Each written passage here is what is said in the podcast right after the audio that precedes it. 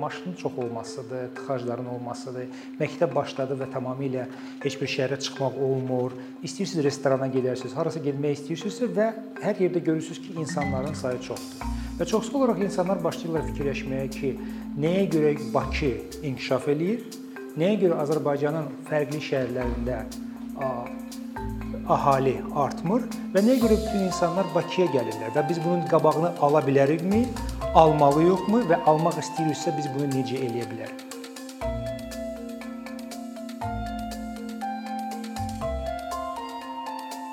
Bu gün Azərbaycanda biz statistikaya baxsaq, görəcəyik ki, axırıncı 12-13 il ərzində urbanizasiya səviyyəsi qalxıb.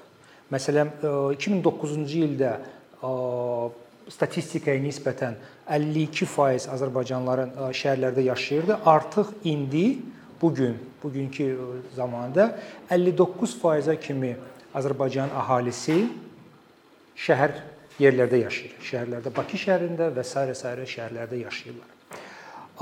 Amma eyni zamanda da bir şey də xatırlamaq istəyərdim ki, Azərbaycanda ən böyük şəhərlərdən biri Bakı şəhəridir.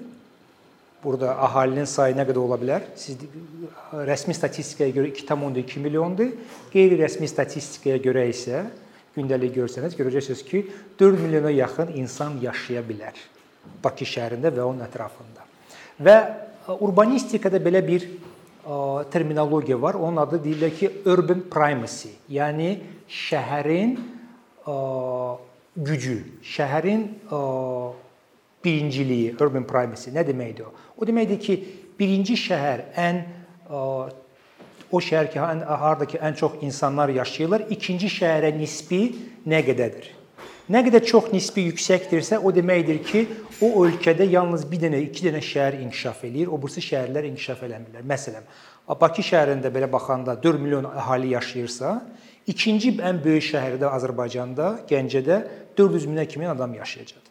O deməkdir ki, urban primacy bu şəhər üstünlüyü indeksi ona yaxındır. Ona yaxın olan bir indekslər çoxsu olaraq 3-cü dünya ölkələrində olurlar. Məsələn, Latın Amerika ölkələrində, Afrika ölkələrində, Asiya ölkələrində. Avropa ölkələrində bu indekslər 2-dən 3-dən yuxarı olmur. Məsələn, Avropa ölkələrinə gedirsiniz, başa görürsüz ki, məsələn, şəhərlər çoxsu olaraq əhali ilə eyni şəkildədirlər. Məsələn, Almaniyaya getsəniz görəcəksiniz ki, böyük bir fərq şəhərlərin arasında yoxdur, əhalinin arasında. Qallandiyaya getsəniz görəcəksiniz ki, eyni şəkildə belədir. Fransada, Amerikada ola bilər biraz fərqlidir. Orada da urban primacy ola bilər 3-dən 4-də yuxarı olur. Məsələn, Los Ancelesdə, Chicagoda, New Yorkda böyük şəhərlərdir. Ondan sonra gəlirlər balaca şəhərlər.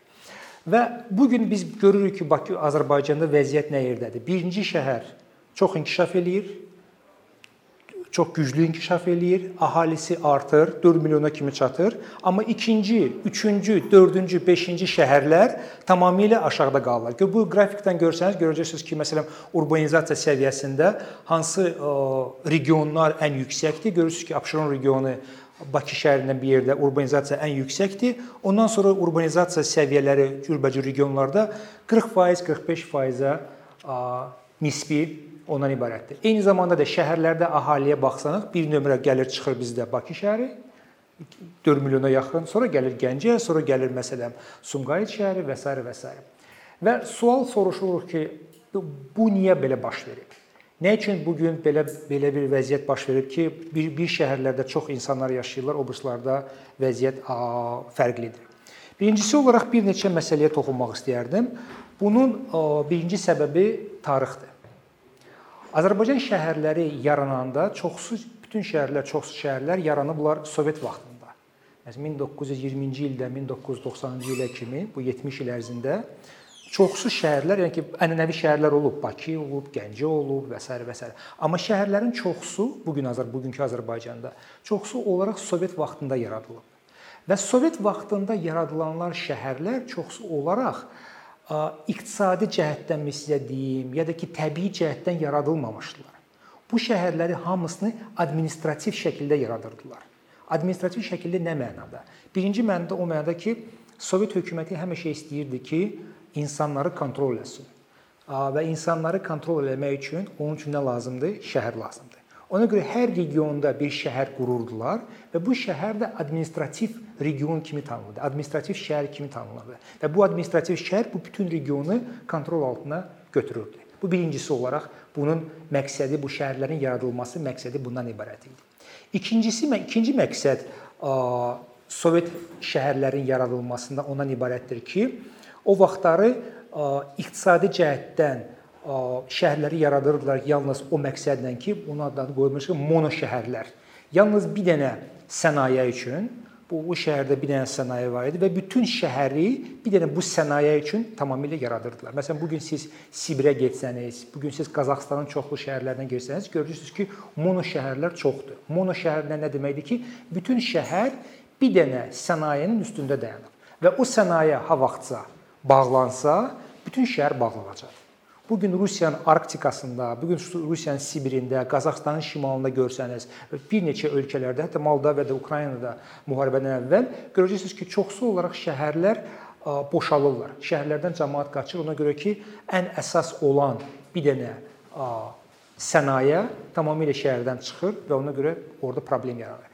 Azərbaycanda da şəhərlərin çoxusu olaraq nəinki administrativ, eyni zamanda da bir dənə sənaye üçün yaradılmışdı. Məsələn, bu gün mərkəzi Aran bütün çoxsu şəhərlərdən tutmuş deyə bilər ki, Sabirabaddır, İmişlidir, sonra o birisi cənub şəhərlər nə üçün yaradılmışdı? Pambıq üçün. Pambıq əkirdilər və pambığı bir yerə yığmaq üçün o, o vaxtda yerdə şəhərlər lazım idi. O yerlərdə hansısa bir pambıq yığan zavodlar lazımdır, fabrikalar lazım idi və ona görə o şəhərlər sırf olaraq bu pambıq industriyanı, bu pambıq peşəsini, bu pambıq sənayesini kömək eləmək üçün yaradılmışdı çoxsuluq şəhərlər. Və və bu şəhərləri yaradılandan sonra bu şəhərlər ona görə də orada insanlar gəldilər, işləməyə başladılar və şəhərlər belə-belə yaradılmışdı. Eyni zamanda da kənd təsərrüfatında Azərbaycanda çoxsu olaraq 50 50%-dən insanlardan çoxsu olaraq kənd təsərrüfatında məşğul idi Sovet vaxtında. Onlar şəhərə gələ bilmirdilər çoxsu olaraq və çoxsu kəndlərdə qala-qala və şəhərlərə icazə yox idi onların çoxsuna gəlmə, propiskası yox idi və s. və s. Sovet hökuməti dağıldı. 90-cı illər gəldi və 90-cı illərdən sonra bu propiska sistemi yığışdırılandan sonra kənd təsərrüfatı tamamilə deməzdim ki, ləğv olundu, yəni məhv olundu, amma çoxsu olaraq kənd təsərrüfatında belə adamın işləməyi lazım olmadı. Yəni orada artıq belə intensiv qüvvə lazım olmadığı halda insanların çoxsu başladılar köçməyə şəhərlərə. Amma ən böyük problem ondan ibarət oldu ki, Sovet hökuməti dağılandan sonra bu insanlar ki, hansı ki kəndlərdən köçürdülər, çoxsu olaraq köçürdülər şəhərlərə yox, yalnız Bakıya. Yəni bu gün hansısa bir regionun kəndindən kimsə Bakı e, harasa köçmək istəyirsə, onun birinci olaraq o şəhərə köçmürdü. Dərhal Bakıya köçürdü. Və ona görə də bu köç köçkünlük bu, bu 90-cı illərdə müharibə də buna təkan verdi və eyni zamanda bu iqtisadi məsələlərdə də çoxsu olaraq başladılar köçməyə Bakıya. Ona görə ki, Bakıda iqtisadi cəhətdən yaxşı idi. Eyni zamanda Bakıda şəraitlər yaxşı idi və iqtisadi cəhətdən Bakının şəraitləri yaxşı idi ki, insanlar yaşasınlar 90-cı illərdə. İndi nə baş verir? Artıq 30 ildir biz müstəqilik. Azərbaycan şəhərləri bu gün nə gündədirlər? Nə hansı gündədirlər və problemləri nədən ibarətdir? Birincisi olaraq biz açıq-aşkar deyə bilərik ki, Azərbaycanın çoxsu şəhərləri olaraq əhalisi aşağı gedir. Azərbaycan şəhərlərinin çoxusu olaraq iqtisadi cəhətdən heç bir iqtisadiyyata xeyir deməzdim, amma heç bir iqtisadiyyata böyük də təkan vermir. Bu gün Azərbaycan böyük şəhərlərindən çoxsu şəhərlərinə baxsaq, administrativ şəhərlərinə, çoxsu olaraq dotasiyanın üstündə yaşayırlar. Dotasiya nədir ki, büdcədən gələn pulla o şəhərlər yaşayır. Məsələn, bu gün siz olsun mərkəzi Aran şəhərləri, olsun Qarabağ ətrafı şəhərlər, məsələn, Tərtərdən söhbət gedir, Bərdədir, sonra o birisi şəhərlər deyə bilərik, İmişlidir, Səbrabaddır, Masallıdır. Hətta şimal şəhərlərində baxsan, Xızı şəhəri var orada, sonra Şabray şəhəri və s. və s. Çoxsu olaraq problemlər nədən ibarətdir? Birincisi olaraq əhali orada qalmaq istəmir. Əhali oradan çıxır. Birincisi olaraq şəhərlərdə iş yoxdur. Şəhərlərdə imkanlar yoxdur. Çoxsu olaraq köçürlər, gəlirlər Bakıya. Bu birinci məsələ. İkinci məsələ ən böyük problemi olan ibarətdir ki, kəndlərdən çıxan insanlar hansı ki, fərqli bir səbəbdən çıxırlar öz kəndlərindən olsun oxumağa gəlirlər ya da ki işləməyə gəlirlər. Heç kəs çoxsu olaraq orta şəhərlərdə qalan deyillər. Məsələn, bu gün Şabranın hansı bir kəndindən o cavan oğlan çıxırsa, o Şabrana getmir. O dərhal Bakıya gəlir. Ya oxumağa gəlir, ya da işləməyə gəlir. Ona görə də bizdə belə bir necə deyim ki, dəhliz yaranıb ki, o kəndlə Bakının arasında heç bir dənə də olan bir şəhər yoxdur ki, o insanlar kim ki kəndlərdən çıxırlar, hansı hardasa çıxırlar ki, kənd yerindən orada yaşasınlar, dərhal Bakıya gəlib çıxırlar. Və bu da bunun da səbəbi dediyimiz kimi iqtisadi səbəbdir, təhsil səbəbidir və fərqli səbəblər. Və ona görə də orta şəhərlər bu gün Azərbaycanda inkişaf eləmirlər. Onların çoxusu olaraq demək istəməzdim ki, ölürlər ya da ki, tamamilə ləğv olunurlar, amma doğrudan da belə baxsaq, bu gün siz hansı bir şəhərə getsəniz, bir region şəhərinə getsəniz, görsəz, görəcəksiniz ki, çoxsu şəhərlər inkişaf eləmirlər. Bir neçə binalar var orada, bir neçə administrativ olaraq, məsələn, icra hakimiyyəti ola bilər, hansısa bir muzey ola bilər, hansısa bir nazirliyin nümayəndəliyi ola bilər və s. və s. mərkəzdir. Mərkəzdə bir balaca bir yerlər var, hardakı cəmaət yığılır, parklardır. Ondan başqa heç nə yoxdur. Ola bilsin ki, hansısa bir şəhərdə hansısa bir xüsusi bir şey olsun. Məsələn, belə şəhərlər var ki, Şəki kimi şəhəri var ola bilər, Qəbələ bu xüsusi şəhərlərdir. Gəncə şəhəri var və s. Naxçıvanda ola bilsin ki, bir neçə şəhərlər olsun ki, hansı ki xüsusiyyətləri var. Amma çoxsunun bütün şəhərlərin Azərbaycanda bütün çoxsunun xüsusiyyətləri eynidir və eyni problemlərlə yaşayırlar. Və bu gün ən böyük problem ondan ibarətdir ki, bu şəhərlər gələcəyi nə olacaq? Biz bu şəhərlərlə nə edə bilərik? Bu şəhərlərin gələcəyi nə ola bilər? Cürbəcür ölkələrdə buna qarşı bir neçə siyasətlər ola bilər. Birincisi olaraq bu gün Azərbaycanda heç bir belə siyasət yoxdur ki, məsələn bu şəhərləri necə inkişaf eləyək. Düzdür, planlar var ki, o şəhərləri necə inkişaf eləmək lazımdır və s. amma əhali tərəfindən Amma necə bu burada əhalini saxlamaq, necə bu şəhərləri fərqli iqtisadi cəhətdən inkişaf elətdirmək çoxsu olaraq planlar yoxdular. Və oturub fikirləşsək ki, hansı planlarla biz nə edə bilərik və hansı tərəfdən biz buna baxa bilərik? Bir neçə ölkələrdə fərqli-fərqli siyasətlər var. Necə bu şəhərləri ayağa qaldırmaq olar? Birincisi olaraq o ən stabil olaraq yəni bir neçə ölkələrdə siyasətlərdən birisi regionlaşmaq siyasətidir. Regionlaşmaq siyasəti nə deməkdir? O o siyasət o deməkdir ki, ha vaxt ki bir neçə rayonları, rayonları bir regiona birləşdirib və regionlaşdırırlar bu regionu. Nə mənada? Bu məsələn biz bu gün görsək ki, Gəncədən Qazaxa kimi, Gəncə-Qazax zonasına baxsaq, ya da ki Aran zonasına baxsaq da Quba Xaçmaz zonası var. Buna biz region kimi yanaşmalıyıq. Və bu regionda belə baxanda bir dənə şəhər olur və balaca-balaca şəhərcikləri, onların statusları şəhərdə olmur. Amma böyük bir şəhər olur və hər yerdə bir yeri görürsüz. Məsələn, Amerikaya getsəniz bu gün görəcəksiniz ki, məsələn, Vaşinqton şəhəri var. Düppədüz ortadadır. Burada Maryland ştatı var, Virginia ştatı var. Oralarda hər yerdə balaca-balaca şəhərciklər var. Hətta ora metrolar da gedir. Metro da gedir ora. Amma onlar şəhər deyillər. Şəhər bir dənədir. Şəhər Vaşinqtondur. Vaşinqtonun ortasıdır. Amma onun ətrafında balaca-balaca şəhərciklər var ki, harda ki məktəb də ola bilər, universitet də ola bilər, kinoteatr da ola bilər, hər şey. Amma onun adı şəhər deyil. O balaca bir şəhərcilikdir. Eyni siyasət Azərbaycan şəhər Azərbaycan regionlarında da ola bilər. Məsələn, şəhər bir dənə ola bilər, hansı bir regionda, amma onun ətrafında balaca şəhərciklər bir yerləşə bilər. Amma yenə deyim ki, ora şəhər statusu vermək ya da ki bütün administrativ bütün işçiləri ora köçürmək biraz düzgün olmaz. Demək birinci siyasət ola bilsin ki, regionlaşma siyasətidir. Bu birincisi olaraq. İkinci siyasət hansı ki, iqtisadiyyatda buna deyirlər ki, gəliz icazə verək, qoy şəhərlər kim, qoy şəhərlər rəqabətə girsinlər. Bu rəqabət siyasətidir. Məsələn, Amerikada çoxsu olaraq nə baş verir? Görəndə ki, şəhər məsələn inkişaf eləmir və problem var şəhərdə, o şəhərdən tamamilə insanlar çıxırlar yaşamırlar orada və şəhər tamamilə ləğv olunur.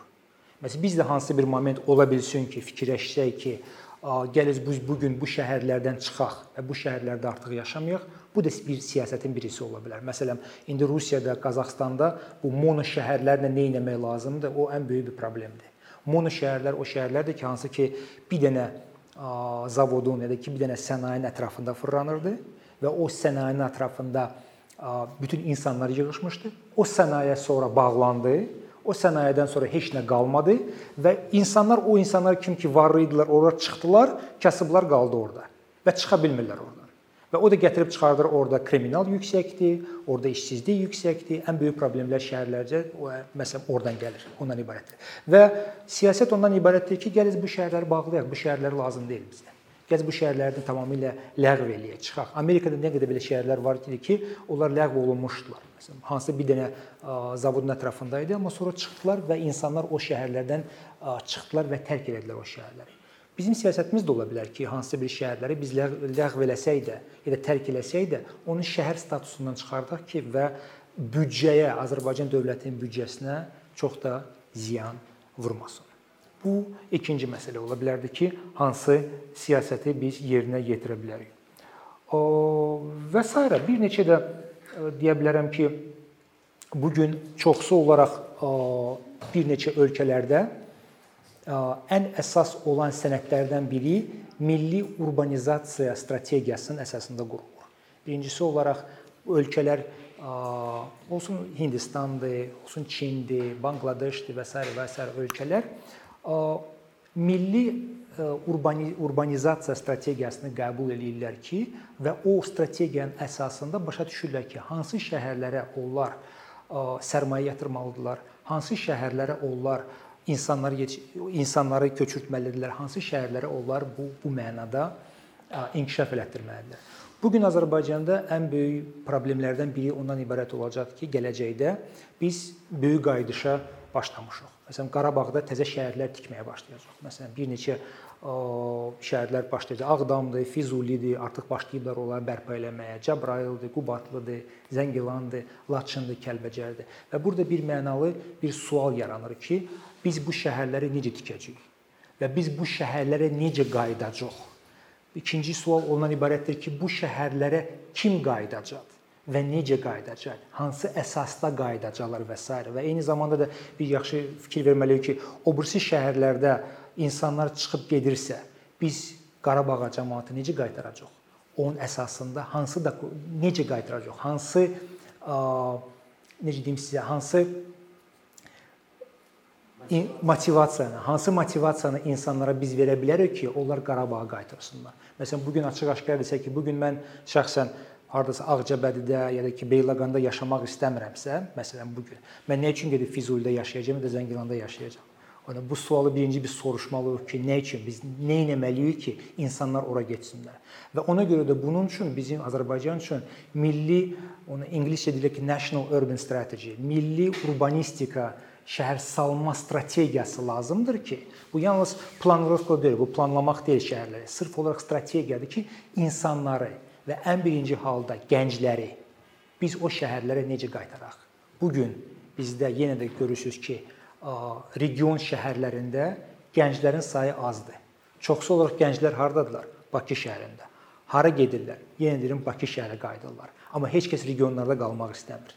Necə bunu eləmək olar ki, nəinki regionda qalsınlar, eyni zamanda da təzə şəhərlər yaradılandan sonra o şəhərlərə qayıtmaq üçün onlar üçün motivasiya olsun.